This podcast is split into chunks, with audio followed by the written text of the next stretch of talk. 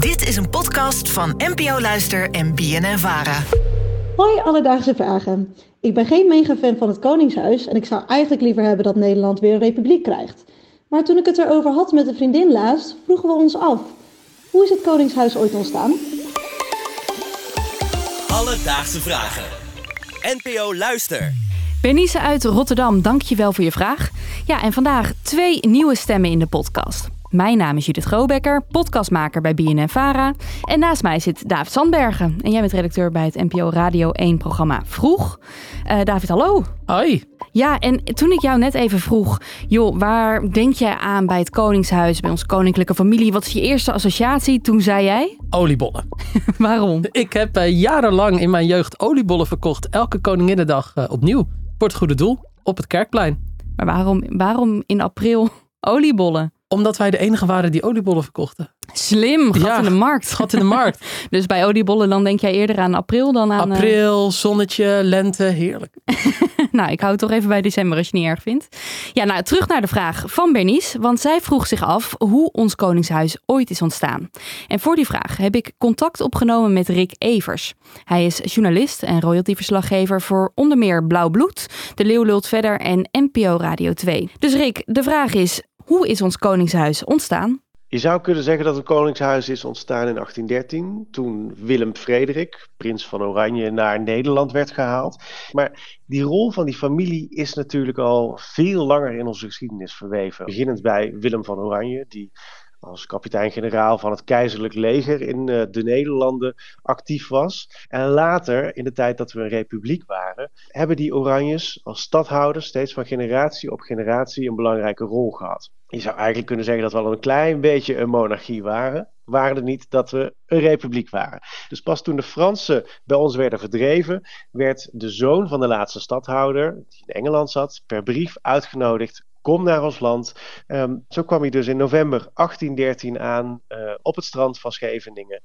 Uh, werd soeverein vorst, uiteindelijk koning der Nederlanden. Nou, en de rest is geschiedenis. Ja, dus die prins Willem Frederik, die uit Engeland werd gehaald, ja, die werd dus uiteindelijk onze eerste koning, koning Willem I. Ja, maar hoe zit het dan met koning Lodewijk Napoleon? Een Fransman, die werd ook ooit koning van Holland. Ja, klopt. Die koning Lodewijk Napoleon, dat was de broer van de Franse keizer Napoleon. Maar die Lodewijk, die werd in 1806 dus inderdaad koning van Holland. In 1813 werd Nederland uiteindelijk onafhankelijk en werd dus die Willem Frederik als nazaat van Willem van Oranje teruggehaald om soeverein vorst te worden.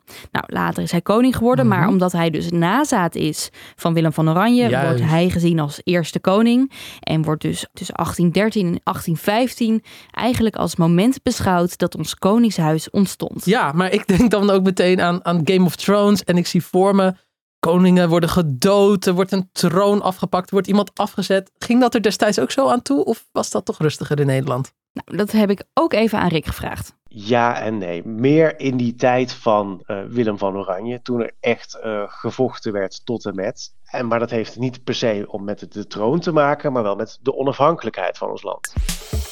Alledaagse vragen. Nou, we hoorden Benice natuurlijk net al zeggen dat zij niet zoveel op heeft met het Koningshuis. Hoe is dat voor jou?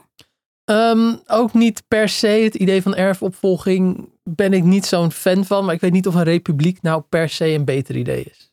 Nou, ik heb ook even aan Rick gevraagd of dat het überhaupt mogelijk is en hoe het dan in zijn werk gaat. Ja, natuurlijk zou dat kunnen. Uh, het is alleen niet zo heel erg makkelijk, want de grondwet moet gewijzigd worden. Um, overal in al die wetten staat uh, de rol van de koning, benoemingen, uh, naam des konings, de rol in de regering, het, de wetten over het lidmaatschap van het Koninklijk Huis. Het moet er allemaal uitgesloopt worden. Dat betekent dat je twee keer een meerderheid in de Eerste en Tweede Kamer moet krijgen. Dat betekent dat er nieuwe verkiezingen moeten worden uitgeschreven. En dat betekent dus eigenlijk ook dat dan democratisch eventueel een nieuwe koning kan worden gekozen. Dan wel uh, democratisch wordt gekozen om ervoor te zorgen dat, uh, dat we een republiek worden. Uh, maar dat zou dan dus betekenen dat de koning een handtekening zou moeten zetten onder de wet die hem afzet. Ja, ja klopt. Volgens Rick heeft de koning aangegeven dat hij dat zou gaan doen, mits het op een goede democratische manier tot stand is gekomen. Nou, dat is wel sportief. Dus Benice, vandaag zochten we voor je uit hoe en wanneer ons koningshuis is ontstaan. Nou, dat was dus in 1813. Door middel van een brief werd prins Willem Frederik gevraagd om terug te keren uit Engeland om soeverein vorst te worden. Een jaar later kregen wij vervolgens onze eerste grondwet en weer een jaar later werd hij uiteindelijk koning van het Koninkrijk der Nederlanden. Ja, en weer terug naar een republiek? Het kan, maar het heeft wel heel veel voeten in de aarde. Laat het maar lekker zo houden. Heb jij nou ook een vraag? Stuur ons dan vooral een berichtje. Dat kan het makkelijkst op Instagram, Alledaagse Vragen. Of je kan ons natuurlijk mailen op alledaagsevragen.bnnvara.nl en dan zoeken wij het voor je uit. Alledaagse Vragen. NPO Luister. BNN Vara.